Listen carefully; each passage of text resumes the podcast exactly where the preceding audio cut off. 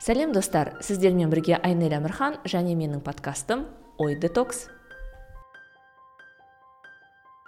Менің екінші қонағым марфуға шапиян блогер журналист саяхатшы.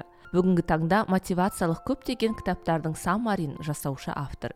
Екеумізді осыдан бірнеше жыл бұрын инстаграм әлемі таныстырып табыстырған болатын. Марфуға жасана сондықтан екеуміз анкор желісі арқылы телефонмен әңгімелескен болатынбыз. Дыбыстағы кейбір ақаулары үшін сондықтан алдын ала кешірім сұраймын.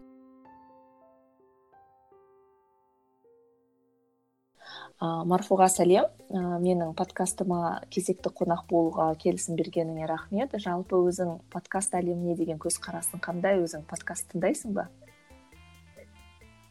Сәлем. Ә, қайта сіздің шақырғаныңыз үшін көп рахмет. Ә, подкастқа көзқарасым жақсы. Бірақ енді айтарлықтай көп тыңдаймын деп айта алмаймын. Ә, енді қазақша бізде подкасттар жоқтың қасы ғой. Сол себепті сол санаулылардың ішінде жаңағы талшын жүргізетін ә, мотивациялық ә, подкасттарды одан кейін менің назерке қарагөз деген екі құрбым бар. Олар біртүрлі қыздар деген атпен подкаст жүргізеді. Солардың подкасттарын тыңдаймын. Ал былай жүйелі түрде енді тыңдап жүргенім жоқ.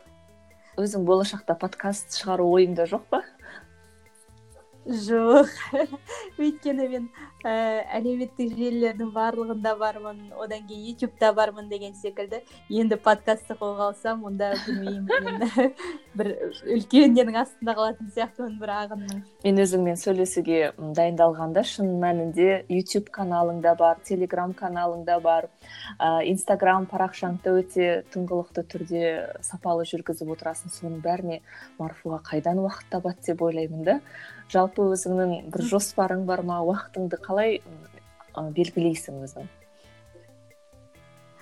Ә, енді нақты бір ә, барлығын қатар жүргізіп жүрмін деп андай сырттай көрінгенімен бірақ негізінде олай емес. Мен өзім былай сыртынан қарап отырсам ә, әр кезде әр уақытта бір нәрсеге көбірек ә, назар аударады екенмін мысалы қазіргі уақытта мен көбірек инстаграмға күш салып жүр екенмін. Ал бір кездер болады мен көбірек телеграмға күш салып кетемін. Ал тағы бір уақытта ютубқа көп салып кетемін деген сияқты солай солай. Әрқайсысының бір өзінің уақыты болатын секілді. Қай кезде қайсысына көңілім жаңағы ауады сол кезде соны ә, жүргізіп кете беремін бірақ енді андай жүйелі былай жүргізіп жүргеннен кейін тұрақты көрермендерің оқырмандарың тыңдармандарың болғаннан кейін кейде олардың алдындағы жауапкершілік олардың алдындағы ұят бір ә, мазалап сөйтіп қой ана ютубқа да бірдеңе салып қояйын телеграмына да бірдеңе жасап қояйын деп сондай бір оймен кейде ә, адамдардың алдындағы жауапкершілікпен ғана кейде бір жүргізетін кездерім болады. Ал бірақ осы әлеуметтік желідегі парақшалар ол маған бір мотивация сыйлайды ә, және білгеніммен бөлісу маған әрқашан қызық. Яғни сенің қандай да бір ә, контент жоспарың жоқ па сонда? Қазіргі уақытта енді инстаграмға бар контент жоспар ал ә, контент жоспар нақты жасаймын ә, жүргіземін. Бірақ бір белгілі бір уақыт өткеннен кейін одан жалығып кетуім мүмкін. мысалы қызық болмай қалуы мүмкін. Сол кезде басқасына ә, ауысып кетемін. Соған контент жоспар жасап соны дамытып енді менде арнайы мақсат жоқ бір дамытайын деген сияқты. Ә, бірақ қай кезде маған қайсысына да ақпарат бөлісу ыңғайлы сол кезде соны ақыры жүргізіп кете беремін. Жалғастырып егер сенің инстаграм парақшаң жайлы сөйлесетін болсақ қазіргі таңда қырық мыңнан астам оқырманың бар екен иә? Ә, жалпы инстаграмға қашан келдің қалай келдің алғашқы ә, посттарың қандай тақырыпта болатын және қырық мың оқырманды қайдан таптың? Енді мен алғашында инстаграмды барлығы ашып жатты ғой. Сол кездері білмеймін он төрт он төрт емес он бесінші жыл шығар екі мың ә, сол кездері ә, тек қана бір арасында бір фото салатынмын және жабық аккаунт болатын менде. Ә, ол кезде де фото салып астына текст ә, бір ауыз сөз жазып қоюым мүмкін. Немесе алматыдамын таудамын деген сияқты. Сондай ғана істеп бір өзім үшін жақындарым үшін ғана жүргізіп жүрдім. Ол кезде мен фейсбукта ә, активный болатынмын. Белсенді едім иә. Ал кейін ә, қарасам бір уақыттары фейсбуктың ә, тақырыбы өте ауырлай иә. бастады. Ол жақта бір саяси мәселелер бола бастады ма содан кейін ол маған кішкене ә, қиындау соқты. Өйткені сондай талас тартыстың ортасында жүруде кейде бір өзіңе ауыр бір ііі жүк арқалап алған сияқты болады ғой. Иә бір сондай нәрселер бола бастағаннан кейін ақырын инстаграмға ауыса бастадым. Өйткені қарасам инстаграмда бір ііі фейсбукқа қарағанда позитивті оқырмандар жиналған секілді көрінді. Содан кейін ііі екі мың он жетіден бастап қателеспесем ііі инстаграмымды ашық ііі етіп қойдым. Содан бастап ақырын ақырын адамдар өздері қосылып қосылып бір бірінен естіп деген сияқты. Қазірге дейін сол қырық мың оқырманға жетіп қалыпты. Бұл жерде мен андай адамдар накрутка жасадық иә. былай көбейттік былай көбейттік деп жатады ғой. Ондай ештеңе істеген жоқпын. Өздері өзімен өзі бір ақырындап бір солай ы көбейіп келе жатыр. Енді екі мың он жетіден санасақ қазір он тоғыздың соңы болып қалғанда сонда бір үш жыл соңғы үш жыл ыыы жүргізіп келе жатыр екенмін оның өзінде де жаңа айтқанымдай басында мен үлкен посттар салмайтынмын үлкен жазбалар жазбайтынмын. Ал қазір қарасам ыыы инстаграмдағы адамдар тек фото көріп қана қоймайды. Сонымен қатар ы оқиды екен. Ыыы үлкен жазбаларды да оқиды ұзын жазбаларды да комментарий жазады ерінбей сондықтан ыыы оларға да өзімнің жазбаларыммен ыыы ұялмай бөлісе бастадым. Ал жалпы сенің оқырмандарың портреті қандай деп ойлайсың? Жалпы өзің көз алдыңа елестетіп көрдің ба?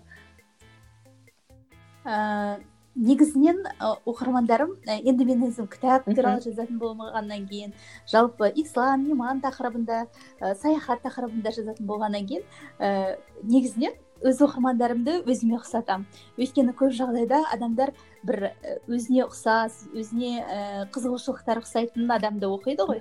Енді маған солай көрінеді.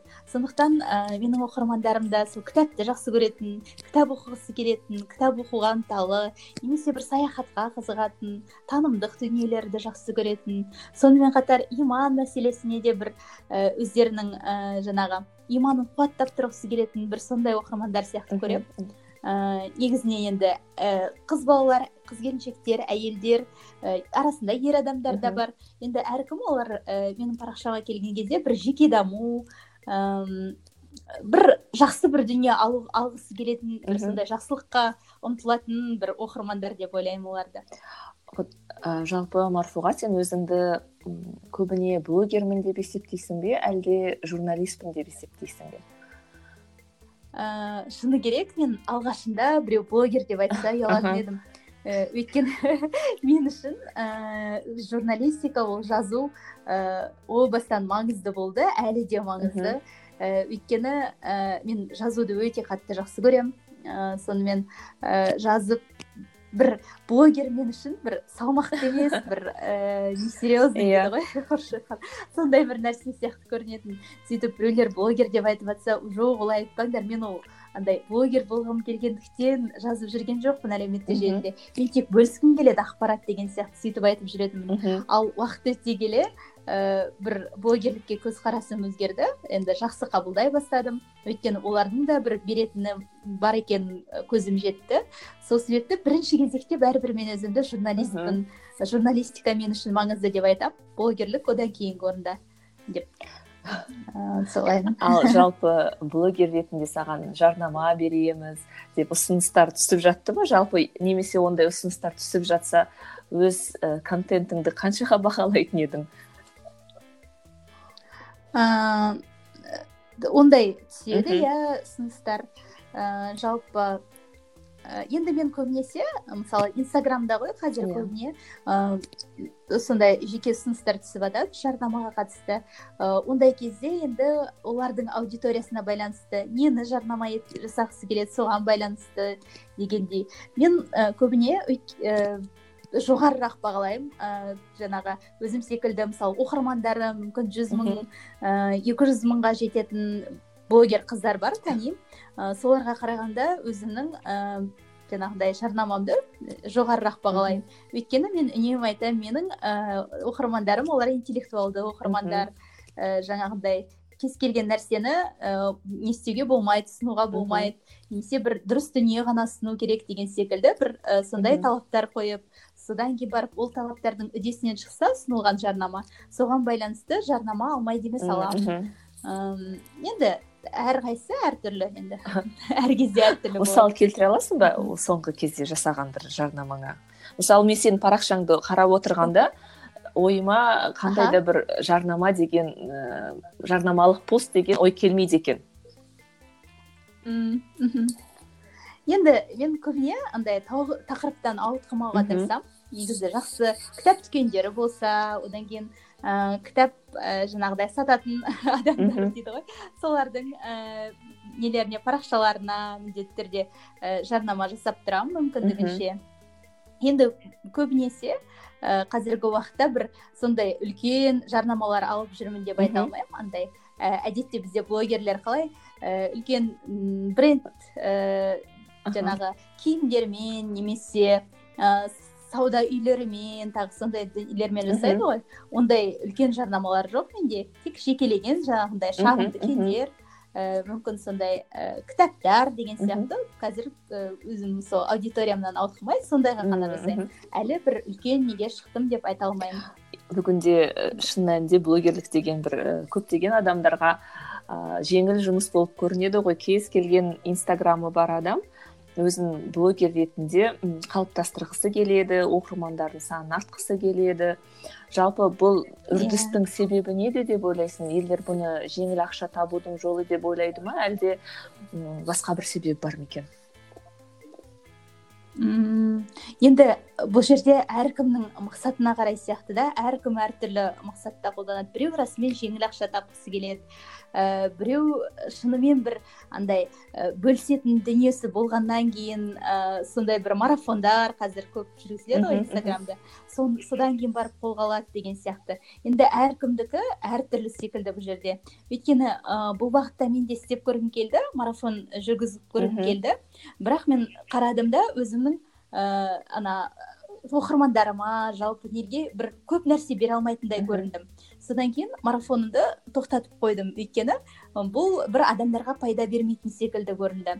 Ал кейбір өзім де бірнеше марафонға қатысып көрдім. Кейбір адамдардың марафонын қарасам оншалықты бір керемет дүние емес бірақ соны үлкен ақшаға сатып жата, сатып та жатады.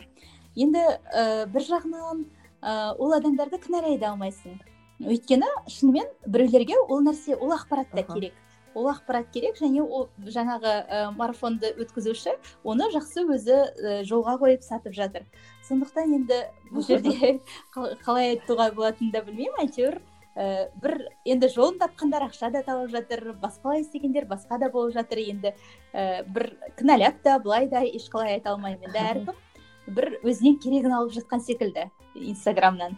Қандай мақсатта кім кіреді? Сол мақсатта өзіне қажетін керегін алып жатып тұр деп ойлаймын. Енді инстаграм әлемі жайлы соңғы сұрақтардың бірі. Өзің инстаграмда кімді оқисың? Себебі мен бірнеше подкаст тыңдадым осындай ірі блогерлермен. Олардың айтатыны мен ешкімді тыңдамаймын оқымаймын себебі менің уақытым жоқ. Мен тек қана өз постымды жазамын аудиториямен қарым қатынас жасаймын. Бірақ елдің ә, жазбаларын оқуға менде уақыт бола бермейді дейді. Сен ә, біреуді оқисың ба жоқ? Немесе сен де сондай пікірді ұстанасың ба? Жоқ мен оқимын. Ыыы өйткені ііі білмеймін енді. Бірақ сол жаңағы мүлде ешкімді оқымаймын деген блогерлерден негізі сұраса ол барлығынан хабардар болып отырады. Сонда оқымаса олар қайдан біледі деп ойлайсың ғой бірақ мен мысалы кітап туралы жазатындарды міндетті түрде оқуға тырысамын. Жалпы біреуден бірдеңе алатын болсам мысалы жазбалары қызық көрінсе ііі оларды міндетті түрде оқуға тырысамын. Бірақ менде қазір жүзге жуық бір сексен тоғыз тоқсандай ііі оқитын адамдарым бар инстаграмда. Ә, олардың ішінде өзіңіз де барсыз. Рахмет. кітап туралы жазатындарыңыз спорт туралы жазатындарыңыз ұнайды. Мысалы мен ә, қазір ойлап қарасам менде бір әртүрлі саладан бар екен. Мысалы өзім тауды жақсы көремін тауға қызығамын бірақ тауға бармағаныма көп болды. Сол себепті мысалы қарлығаш деген қызды оқимын. Ол қыз үнемі тауға барады мысалы маған оның тауға барып тау туралы бір андай позитивті жазатын дүниелері ұнайды. Сондықтан одан тау туралы оқимын. Сосын тағы бір енді қазір а, былай ойлаған кезде аты жөндері де еске түспейді екен тек инстаграм аккаунттарымен. Мысалы бутылочка деген ә, парақша бар. Ода өзінің егіз балалары туралы жазады. бала тәрбиесіне қатысты дүниелер жазады иә. Оның да маған сондай жазбалары қызық көрінеді. Ә, сонымен қатар м жолдасын оқымайсың ба бутылочканың ержан есімі. Иә оны андай. Жеке әр кезде әртүрлі ол кісіні тек арасында оқып тұрамын бірақ енді солай позитивно жазатын адамдарды міндетті түрде оқимын. Ыыы одан кейін өзімнің де достарым бар құрбыларым бар. Жаңағы орамалды қыз деген аккаунт бар. Одан ислам тақырыбын оқимын. Ыыы біреуден бала тәрбиесі туралы оқимын. Тағы біреуден кітап туралы оқимын деген сияқты сондай әртүрлі ақпарат беретін ыыы жаңағыдай достарым бар таныстарым бар солардың парақшаларын міндетті түрде оқып тұрамын. Алатын дүние болса міндетті түрде оқимын. Мысалы саяхат туралы динара болатты оқимын міндетті түрде. Өркенді оқимын кенжебекті деген сияқты. Сол секілді ііі басқаларын да барынша оқып тұруға тырысамын пайдалы дүниелер болса. Қазіргі уақытта енді сен жас анасың кітап оқуға уақыты болмай кетеді ма деп өзім шын мәнінде сен тұрмысқа шыққанда уайымдай бастадым. Ыыы инстаграмнан марфуғаны жоғалтып алады екенмін деп. Бірақ ыыы қуанғаным сен ә, кітап оқуыңды тоқтатпақ түгілі ә, қандай да бір кітаптардың саммарин жасап жүрсің иә? Осы идея саған қайдан келді жалпы? Ә, бұл идеяны мысалы бұрындары мен кітапты оқитынмын да қоятын өзім жаңағы ә, рецензиямен бөлісемін пікірлерімді айтамын ары кетсе бір екі адамға әңгімелеп берермін. Сонымен ол кітап қалатын. Кейін ол тіпті ұмытылып та қалуы мүмкін миыңнан ал әсері алғашқы әсері жойылғаннан кейін ақырын қала береді. Ыыы ал тұрмысқа шыққаннан кейін ә, жолдасым сол мен кітапқа деген қызығушылығымды байқап көріп жүргеннен кейін ол үнемі айтты. Осылай шетелде осындай бір тәжірибе бар. ә, олар кітаптарға саммари жасайды. Ыыы осындай бір дүниелерді қолға алып көрсеңші деген сияқты айтып жүрді маған. Ә, енді мен басында кішкене қорқақтап жүрдім. Ой ол қалай болар екен? Жаңағындай біздің халық оған қызығушылық таныта қоя ма керек адам кітаптың өзінде оқып алады ғой деген сияқты бір сондай бір айт, ойлар айтып жүрдім. Сосын бір күні мен жолдасымды төрем деп айтамын сол төрем ыыы маған ә, сайт сайтын көрсетті. Сайтын тіпті адамдар ііі енді ағылшынша видео саммарилар жасайды екен одан кейін саммаридің өзін жасайды екен. Сосын ыыы неге жасап көрмеске бір рет деп ойландым. Енді ііі төрем қоймай айтып тұрғаннан кейін қолдап тұрғаннан кейін. Сосын ыыы жасап көрейін деп алғаш осы ііі бестселлер болып соншалықты қатты таралған магия утра кітабына. Жасап көрдім. Ә, жасап көріп ә, басында инстаграмға жазба жаздым. Осындай бір ойым бар сіздер қалай ойлайсыздар? Жалпы әлемде жүз отыз миллионнан артық кітап бар екен. Ол кітаптың барлығын оқуға адамның тіпті ғұмыры да жетпейді. Ал егер ә, мысалы ал бізге ең маңызды керегі ақпарат қой кітаптағы. Сондықтан ақпаратты сіздерге ықшамдап ә, қысқартып берсем сіздер оқыр ма едіңіздер деген секілді сұрақ қойып едім барлығы қолдай кетті. Иә мен оқыр едім мен оқыр едім деген секілді. Сосын ыыы енді адамдардың жаңағындай ықыласын байқағаннан кейін ыыы жасап көрейін деп ойладым. Жасап көрдім. Өткен жылдың аяғында болатын осы 2018 он сегіздің соңы. 2019 соңында жасап бітірдім жаңа жылдың алдында. Сосын ыыы қаңтардан бастап ә, сатылымға қойдым. Және ең кереметі ііі екі аптаның ішінде алдағы жүз елуге жуық электронды саммари сатылды. қандай керемет. Сол кезде адамдардың иә қызығушылығына қатты таң қалдым. Өйткені расымен де біз ойлаймыз ғой кітап оқуға уақыт табуға болады. Енді біз өзіміз әдеттеніп қалғаннан кейін кітап оқуды басқа оңай көреміз да. Ал негізінде кітап оқығысы келетін бірақ оған уақыт таппайтын немесе жаңағы уақыттарын жоспарлай алмай жүрген немесе бір ден қоя алмай жүрген адамдар өте көп екен. бірақ білгісі келеді кітаптағы нәрсені. Сол адамдарға мына саммари деген өте оңай дүние болды жақсы болды. Мысалы олар екі жүз бет ііі магия утраны оқығаннан гөрі саммариді оқи салады және сондағы ақпаратты алады. Немесе ол ақпарат ііі бір жақсысы өздерінде қалады. Ііі керек кезінде қайталап оқи салуға да оңай. Мысалы он алты бетті оқыған қандай екі жүз бетті қайталап оқыған қандай. Солай солай і бұл нәрсені ақырын қолға алдық. Одан кейін ыыы жалпы біздің оқырмандардың үлкен қызығушылығын байқағаннан кейін ыыы осы істі жалғастыра беруді ұйғардым. Сосын енді ақырындап ыыы мүмкін енді көп кітапты жасауға ііі физикалық жаңағы мүмкіндігім келе бермейді сондықтан ақырындап шетінен жасап көріп жатырмын. Халыққа қызық болады ау деген оқырмандардың сұрағанына байланысты кітаптарды. Ақырын ақырын сөйтіп жасап ііі көріп жатырмыз. Енді бұл бұл нені өзім ғана жасап қоймай өзім осыған қызығатын адамдар да қосылса екен сіздер де қосылыңыздар ә, деп тартып жүрмін қазіргі кезде тағы да менімен бірге бір үш төрт адам саммари жасап көріп жатыр. О бір өзінше бір қауымдастық болады десейші жақын маңда. Бұйырса иә. Қанша кітапқа саммари жасадың? Ыыы осы кезге дейін төрт кітапқа ыыы одан кейін бір кітапқа менің тағы бір журналист құрбым жасады ақниет деген. Ыыы сонда бас аяғы қазірге бес кітапқа бар саммариіміз жалпы енді бұл бес кітаптардың ыыы тақырыптары әртүрлі ғой иә? Қателеспесем. Иә иә тақырып әртүрлі қандай тақырыптағы кітапқа деп ойлайсың адамдардың? Жалпы өзің сатып алу деңгейінен қадағалап көрдің ба мхм. Э, қазіргі уақытта ә, бір үш төрт тақырыпқа бөлуге болатын шығар адамдардың қызығушылығын. Енді мен өз оқырмандарым тарапынан айтсам ә, олар негізінен енді қыз келіншектер болғаннан кейін мына әйел тақырыбы әйелдік болмыс отбасы қарым қатынас отбасылық ә, одан кейін жалпы ер адаммен қарым қатынас деген сияқты сол мәселелер қызықтырады әйел әйелдерді. Бұл бір тақырып болса екіншісі жеке даму. Мысалы ерте тұру болсын тайм менеджмент болсын жалпы жұмысты реттеу күніңді реттеу деген секілді нәрселер. Бір екінші осы жеке даму. Одан кейін қазіргі үшінші тақырып ол байлық ақша. Бәрі бай болғысы келеді барлығы қалталы болғысы келеді. Сондықтан осы тақырыптағы кітаптарды қызығып ә, қатты сұрайды ана кітапқа істесеңіз мына кітапқа істесеңіз деп өздері оқығысы келетін бірақ ыыы оқи алмай жүрген кітаптарын ұсынады одан кейін ііі төртіншісі бала тәрбиесі. Ыыы сол бала тәрбиесіне қатысты да қазіргі уақытта көп сұрайды. Әзір бұл тақырыпқа жасамадық бірақ болашақта ойымызда бар. Одан кейінгі бесіншісі мына қазір подсознание деп айтып жүр ғой түп сана дейді біреу басқаша аударады. Міне осы бейсана дейді біреу.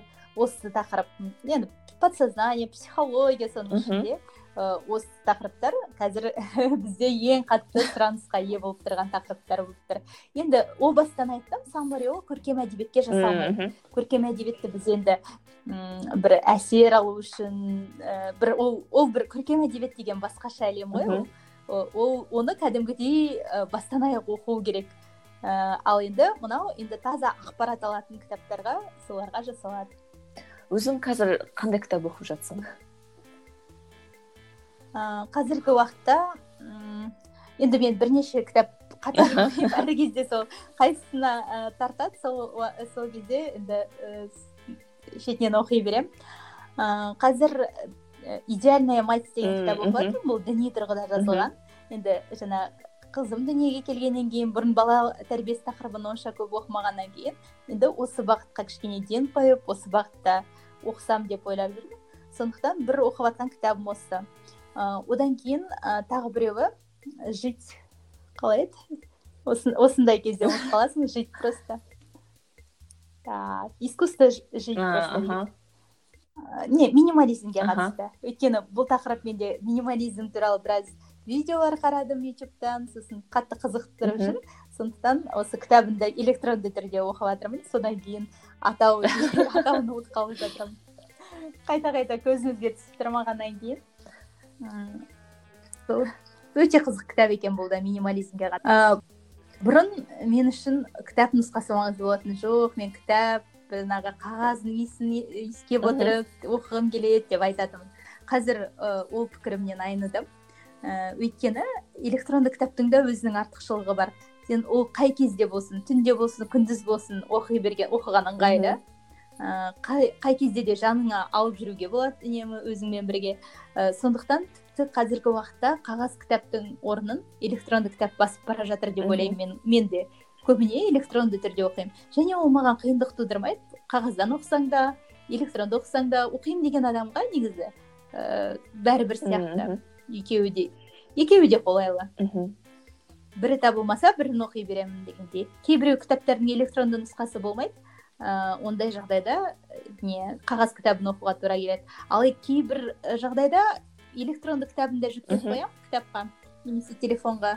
Қағазы да тұрады. Қай кезде қайсының ыңғайы келеді соны оқи беремін. Жалпы өзіңнің болашақта кітап жазу ойыңда жоқ па? Бар. Ой бұл менің иә мен үшін бір өте маңызды мәселе. Өйткені мен әлі сол кітап жазуға дайындық үстіндемін деп ойлаймын. Мүмкін мына саммарилар бір сол бір дайындықтың бір баспалдағы шығар. Өйткені қанша дегенмен ақырын ақырын төселеді екен адам. Ыыы алла қаласа алдағы уақытта тек қана кітап жазумен айналысқым келеді негізі. Ойым бар сондай. Ә, мысалы енді ары қарай журналистикада жұмысымды жалғастыру деген сияқты басқа деп ойлаймын ғой үнемі. Бірақ ә, ойлап қарасам менің негізгі мақсатым ол ә, кітап жазу болған. О бастағы тіпті мен журналистикаға түсердің алдында журналистикаға түсу себебімнің өзі де сол болған кітап жазу. Ал енді сонымен журналистикада енді біраз шыңдалдым жазып одан кейін міне саммари жасап жатырмын енді ақырын дайын болып қалған секілдімін бұйыртса өзімнің де бір кітабымды жазуға отыратын күн келеді деп ойлаймын алла қаласа. Иә. Жақын қалған секілді. Ал мен енді кітап жақын маңда кітабың шығады деп мен сенімдімін негізі оған. Бірақ қандай тақырыпта болады деп ойлайсың өзің? Алғашқы кітабың. Енді оны былай ойлап қарасам ә, көп тақырыптарды жазғым келеді негізі. Бірақ ә, көбінесе соңғы уақытта тұрақтаған дүнием соңғы уақытта бір түйген нәрсем ол жалпы әйелге қатысты әйелдер тақырыбы әйелдің болмысына қатысты мына қазақи тұрғыдан діни тұрғыдан ә, одан кейін ә, енді мүмкін сол бағытта болатын шығар деп ойлаймын бір, бір жағынан. Ыыы одан кейін менің өзім тағы бір сүйікті тақырыбым бар ол тұлғалар тақырыбы. Мхм. Тұлғалар тақырыбында ә, сол бағытта да мүмкін бір нәрсе жазып қалармын. Енді на әзірге әлі нақты шешкен жоқпын бірақ бұйыртса бір ә, сол маңайда бір қазақи сондай ә, діни де араласқан мүмкін бір сондай бірдеңе болатын шығар. Мүмкін тұлғалар болып қалар білмеймін енді әзірге. Бірақ сол неше түрлі тақырыптар ә, басымда айналып жүр. Енді алда бір тоқтамға келіп қалармыз бұйырса. Ең бастысы идея бар десей иә иә. Ой идея көп. Тек жүзеге асса қанекей енді дін деп айтып жатсың ғой. Жалпы мен үшін сен діннің жағымды имиджін қалыптастырып жүрген адамдардың бірісің. Себебі енді дін жайлы алып қашпа ұғымдар көп қой әдетте. Иә yeah, осы ретте енді дін мен әйел тақырыбына сөйлессек жалпы әйелдің діндегі орны қандай? Ә, әйелдің діндегі орны мен үнемі оны өте жоғары жаңағы ә, көремін өзім. Ә, өйткені ә, құранда да әйел туралы жоғары айтылады. Жалпы ә, хадистерде де әйелдің орны мысалы жаңағы үнемі айтамыз ғой анаңды сыйла деп ә, айтады.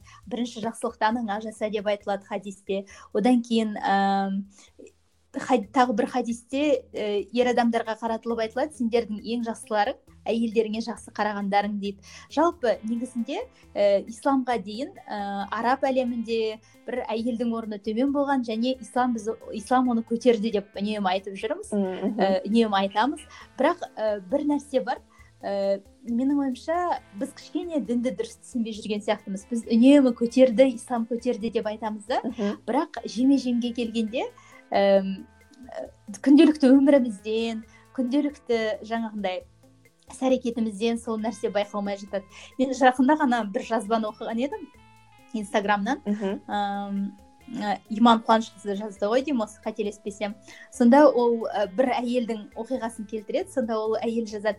Мен басында ә, исламға келген кезде бір әйелдің бүкіл жағынан жаңағындай бір ііі қалай тыйымдар көрдім дейді да анау болмайды иә, әйелге yeah, мынау болмайды әйелге. Әйел деген сөйту керек әйел деген бүйту керек. Сөйткен кезде ә, мені дін бір басып тастаған сияқты көрінді дейді ал қалай мен араб тілін үйрендім? Қалай маған араб тіліндегі кітаптардың есігі ашылды. Солай мен ә, исламда да небір мықты әйелдер бар екенін көрдім. Біреу үйінде отырып та жаңағыдай сауап жинайды енді алланың алдында. Біреу сыртта жүреді біреуі жұмыс істемейді біреуі жұмыс істемейді. Сондай түрлі әйелдер бар екенін көрдім. Және олардың барлығы да жаңағыдай алланы ә, разылығына аллаға қарай ұмтылып жүрген әйелдер. Сондықтан біз әйелді бір қалыпқа салмауымыз керек. Олар әртүрлі болады. Олар әртүрлі жолмен аллаға жеткісі келеді. Және олардың біреуінікі ғана дұрыс деп айтуымызға болмайды. Сол секілді пайғамбарымыз саллаллаху заманында да тіпті пайғамбарымыздың әйелдерінде де түрлі әйелдер болған. Біреуі жұмыс істеген біреуі садақамен аты шыққан біреуі ә, жаңағыдай мінезі басқалай болған деген секілді. Ал біздің қазіргі қоғам әйелді бір қалыпқа салып қойғысы келетін секілді. Ә, дін арқылы шектегісі келеді да сол арқылы бір қалыпқа салып қоятын секілді. Менің ойымша олай емес ол ислам ә, әйелдің мәртебесін өте жоғарыға көтереді. Керісінше әйелге көп еркіндік берген дін және ә, алла қаласа енді мен әлі де бұл тақырыпты тереңірек зерттесем деп ойлаймын. Әлі де біздің ә, жалпы қазақ әйелдеріне осы нәрсені жеткізгім келеді. Ә, ислам ол әйелдің ә, жаңа құқығын шектемейді. Әйелді бақытсыз етпейді. Ол қайта әйелді бақытты ететін дін болу керек деп. Біздің негізі қазақ жалпы ә, дінді өте сондай бір ақылмен ә, даналықпен қабылдаған негізінде. Мысалы ислам діні келген кезде ә, біздің бұрынғы ата бабаларымызға қарасақ олардың бойында ә, бүкіл исламның ә, жаңағы ең ізгі қасиеттерінің барлығы әбден сіңген. Сол сияқты әйелдерінде де әйелдерінде де тура сондай жағдай. Әйелдері өте еркін ә, қалай қоғамда өзінің пікірінде ә, еркін білдіре алатын сондай ғой мысалы бұрынғы заманда. Ал біз енді қазір келеміз де дін біз ислам дінін ұстанамыз ислам келді деп айтамыз да әйелді бір ә, қалай мхм жаңағы бүкіл құқығын басып тастаймыз былайша айтқанда үйде қамап иә иә не жұмыс істетпей не шығармай бір тек қана бір бала туып үйінде күйеуіне қызмет етіп отыратын адам ретінде көргіміз келеді негізінде олай емес менің ойымша ә, сондықтан енді бұл бағытта біз әлі де көбірек ізденуіміз керек әлі де көбірек оқуымыз керек ә, алла қаласа енді оған да жетеміз деп ойлаймыз иә өзің және соны жеткізу мүмкіндігі туса маған өте бақытты болар едім сондай шын мәнінде бізде ислам дін десе жалпы бірден шектеулер көзге елестейді да. Жаңағы өзің айтқандай үйде отыру керек ер адамнан бір емес бірнеше саты төмен сияқты. Иә. жалпы бізде енді осы діни сауаттылықты арттыру жолында қандай да бір бағдарламалар бар ма арна бар иә? қателеспесем. Иә асыл арна иә. ғой деймін. Иә. Жалпы тағы қандай да бір блогерлер немесе журналистер өзің оқитын жазушылар бар шығар мүмкін бөлісіп отырсаң кішкене. Иә енді көбіне бізде мына тоқсаныншы жылдары енді енді тәуелсіздік алғаннан кейін дінге есігіміз енді қайтадан енді ғана ашылғаннан кейін бізде көбіне андай жалпы ә, жалпылама не болып тұр да сауат ашу. Мысалы ол намаз болсын ол мына нәрсені былай істеу керек мына нәрсені былай істеу керек деген сияқты жалпылама нәрселер болып келді осы кезге дейін. Енді енді ғана жеке бір жаңағы әйелдің ііі несіне қатысты болмысына қатысты әйелдің шекарасына қатысты сондай нәрселер енді енді қолға алына бастаған секілді. Жаңа өзім де айтып қалдым. Фейсбукта иман деген апайымыз бар әпкеміз. Ол кісі өте бір сауатты сондай бір жазбалар жазады. Маған сол кісінің жазбалары қатты ұнайды. Мм сол кісіні үнемі оқып тұруға тырысамын. Ол кісі мысалы мына мектептегі орамалға қатысты да біраз сондай ә, мәселелерді қозғап жүр. Өйткені қыз балалардың орамал тағуына енді қарсылық түрлі ііі біраз шу болды ғой бізде. Міне сол мәселелерді де қозғап жүр. Сол кісіні өзім үлгі тұтып оқып жүремін үнемі әйелдерге қатысты. Ал енді ә, әйелдерге қатысты бізде енді ә, мүмкін білім аз болғаннан кейін ба? Ә, именно осы тақырыпты дәл осы тақырыпты жазатын ыыы блогерлер де басқа жаңағындай журналистер де аз. Өйткені енді жалпылама жазылуы мүмкін. Үстіртін. Сауат ашу арна болсын басқа болсын. Бірақ жаңағындай бұл жеке осы тақырыпты жазатын ыыы адамдар аз. Енді бұны өзі әйелдер өздері көтеру керек деп ойлаймын. Әйелдер өздері жазу керек. Секілді. Жалпы мектептерде оқушылар оқушы қыздардың орамал тарту мәселесі иә мысалы ыыы сенің бұл мәселеге көзқарасың қандай? Жалпы кәмелетке жасы толмаған ыыы қыз баланың ата анасының еркімен орамал тарту қаншалықты дұрыс деп ойлайсың? Ыыы дінде зорлық жоқ деп айтамыз біз үнемі дінде ііі ол баласының енді әр адам өзі шешеді ғой енді бір жағынан біз олардың жаңағы ііі жеке бір отбасына да не істеп тұрған секілдіміз бірақ енді дінде зорлық жоқ деп айтылады. Иә араласып тұрған секілдіміз. Бірақ дінде зорлық жоқ дегеннен кейін ііі егер бала өзі шешім қабылдамаса өзі өз еркімен кимесе енді әрине оны қинап ондай жағдайға жеткізуге болмайды деп ойлаймын. Ә, бірақ егер өз еркімен киетін де нелер болады иә қыздар болады мысалы үнемі отбасында кәдімгі ислами тәрбие алған тек шешесінің орамалда жүргенін көрген ә, анасына ұқсағысы келетін қыз ертең ол да мен де тақсам дейді мен де тағамын деп шығады. Бір белгілі бір уақыт келгеннен кейін. Сол кезде ол өз ә, жаңағы еркімен тағып мектепке сондай жағдаймен келген кезде оны мектептің ә, жаңағыдай қарсы алуы сені шеш деп қинау ол да балаға өте ауыр соққы болады деп ойлаймын. Сондықтан ә, бұл жерде енді бәрібір ә, енді менің ойымша мектептікі де бұндай бір саясат ұстануы да дұрыс емес бірақ балаларын қинап кигізіп отырған ата аналардікі де дұрыс емес секілді. Қандай болғанда да бір мәмілеге келу керек бұл тұрғыда. Енді мен көп ә, таныстарымды білемін. Балаларын ә, мектептен шығаруға мәжбүр болып жатады немесе жеке үйде оқытуға мәжбүр болып жатыр қазір. Бұл енді ә, бір өте бір қиын жағдай қиын тақырыптардың бірі. Мысалы жаңағы сол иман апайымыздың өзі қыздарын ыыы үйде оқытуға мәжбүр болып жатыр қателеспесем енді мен қателесуім де мүмкін. Ә, үйде сабақ алдыруға. Мысалы ол айтады мен қалай шеш деп айтамын? дейді да. Олар өз еркімен келді. Өз еркімен келген қыздарды олай қинауға да болмайтын секілді. Керісінше бір ә, бізде енді зайырлы дін деп айтамыз ғой әркім өз еркінде деп. Бірақ солай қысым жасауы біздің ә, заңымызға да қайшы келетін секілді. Енді өзің жалпы енді қызың кішкентай ғой бірақ ә, оның yeah. Иә. орамал таққанын қалайсың ба? Енді мен өз еркіне қалдырамын деп ойлаймын. Осы сұрақ маған инстаграмда да қойылды. Орамал таққызасыз ба деп қойды да. Жоқ ол өзі шешсін өзі ә, бір оң солын ажырататын жасқа келген кезде өз еркімен егер тағам деп жатса қарсы болмаймын. Жоқ тақпаймын деп жатса да қарсы болмаймын. Ол иә өзі өз еркімен келер әр нәрсеге өзі шешім қабылдаса деп ойлаймын. Өз ақылымен иманымен келсе деп. Мысалы менің сіңілім бар ыыы туған. Соны оны да мен мысалы ол маған не айтады? Сен маған неге айтпайсың намаз оқы деп? Сен маған неге айтпайсың осыны істе деп? Деп маған менен сұрайды. Сонда мен үнемі оған айтатынмын. Жоқ сен өзің келу керексің. Өзің ақыл ойың бар өзің жеке адамсың жеке тұлғасың. Сен менен тек қана үлгі алуыңа болады. Маған қарап үйренуіңе болады. Ал бірақ шешімді өзің үшін өзің қабылдайсың деп. Уақыт өте келе. Мысалы мен онымен тұрдым. Ә, соңғы үш жыл уақыт өте келе ол өзі намаз оқыды өзі келді өзі орамал тақты.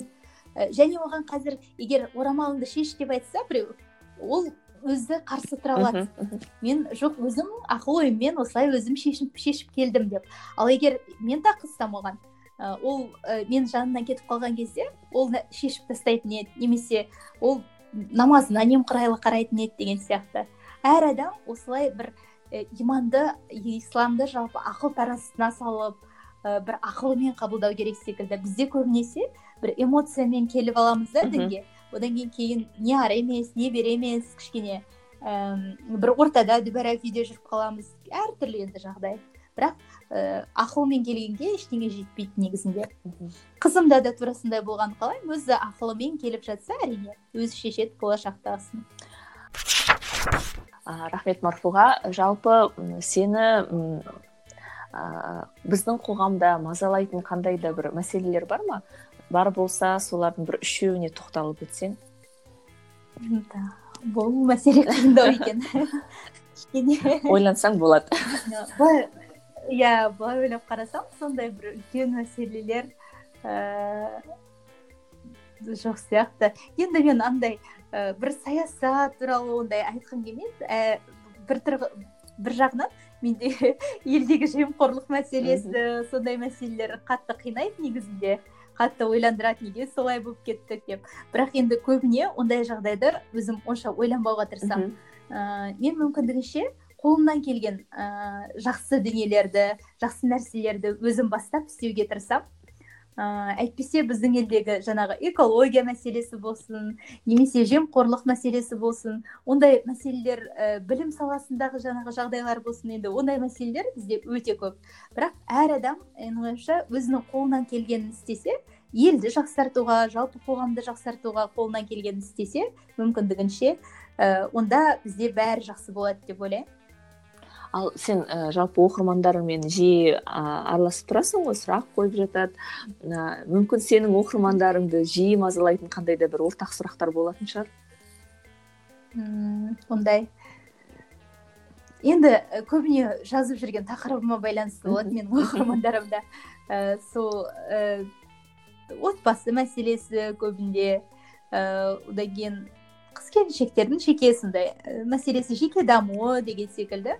Ал бірақ бір сондай бір үлкен мәселелер талқылап бір ондай ә, жоқ секілді.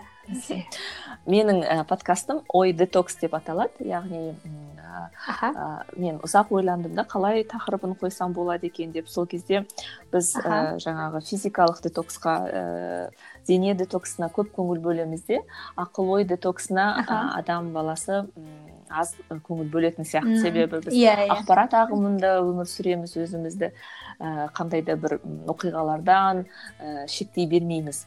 Ә, осы ретте сен өзің қандай да бір ойды ой детокс жасап тұратын кездерің бола ма? Иә енді ондай болып тұрады. Кейде тіпті қатты ойланып бір мына ондай әсіресе ондай ойға кеткен кезде немесе бір өзіңнен есеп алу ғой енді бұл нәрсе. Өзіңнен есеп алған кезде бір тіпті ә, әлеуметтік желіден болсын ә, қоғамнан болсын ажырап ондай кезде өзіңмен өзің болғың келеді. Өзіңмен өзің өз ойыңмен болып ә, сондай да бір миыңды тазартып ә, жаныңды андай керек емес ақпараттардан тазартып қайтадан бір ә, қалыпқа түскендей боласың. Ондай сәттер болып тұрады. Ә, кейде тіпті жиі болып кетеді. Енді әр кезде ә, әрқалай мхм. Ә, сенің енді парақшаң мотивациялық иә? Көбінесе кітап оқу жайлы ә, мотивация бересің ә, қандай да бір пайдалы ақпарат бересің. Ә, қазір самариларыңда да айтып жатсың ғой. Көбінесе мотивациялық тақырыпқа ә, сұраныс көп деп. Ә, қазір енді көңіл күйі құлазып жүрген қандай да бір адам болса қандай кеңес берер едің? Ә, бәрі де өткінші бәрі де өтеді бұл сәт те өтеді. Ә, және ә, құранда мынандай бір аят бар. Әр қиындықтың артынан жеңілдік бар деп. Ә, және оны ол аятты тәпсірлеген тәпсіршілер яғни ғалымдар айтады ол жеңілдік деген кезде бұл ә, оның артында бір үлкен сый бар деп айтып тұр дейді. Сонда әр адам осы сәтте егер сабыр етсеңіз артынан міндетті түрде жақсылық болады мысалы үнемі айтамыз ғой жаңбыр жаңбырлы күннің артынан күн шығады деген секілді. Сондықтан сәл сабыр етсең артынан ә, жақсылық келеді міндетті түрде марфуға рахмет. Алтындай уақытыңды қиғаныңа ә, менің подкастыма сізге рахмет. уақыт тапқаныңа ә, шығармашылық табыс тілеймін. Сенің оқырмандарыңның саны арта берсін. Ә, тағы да бір кезекті сандарда жолыққанша. рахмет көп шақырғаныңызға. Сіздің де ә, подкастыңызға сәттілік тілеймін. Осындай подкаст әлеміне біздің қазақша подкасттың арасына осындай бір тамаша ә, тағы бір сіз секілді автордың қосылып жатқанына өте қуаныштымын. Алла қаласа алдағы күндері подкасттарыңызды міндетті түрде тыңдап жүремін. Рахмет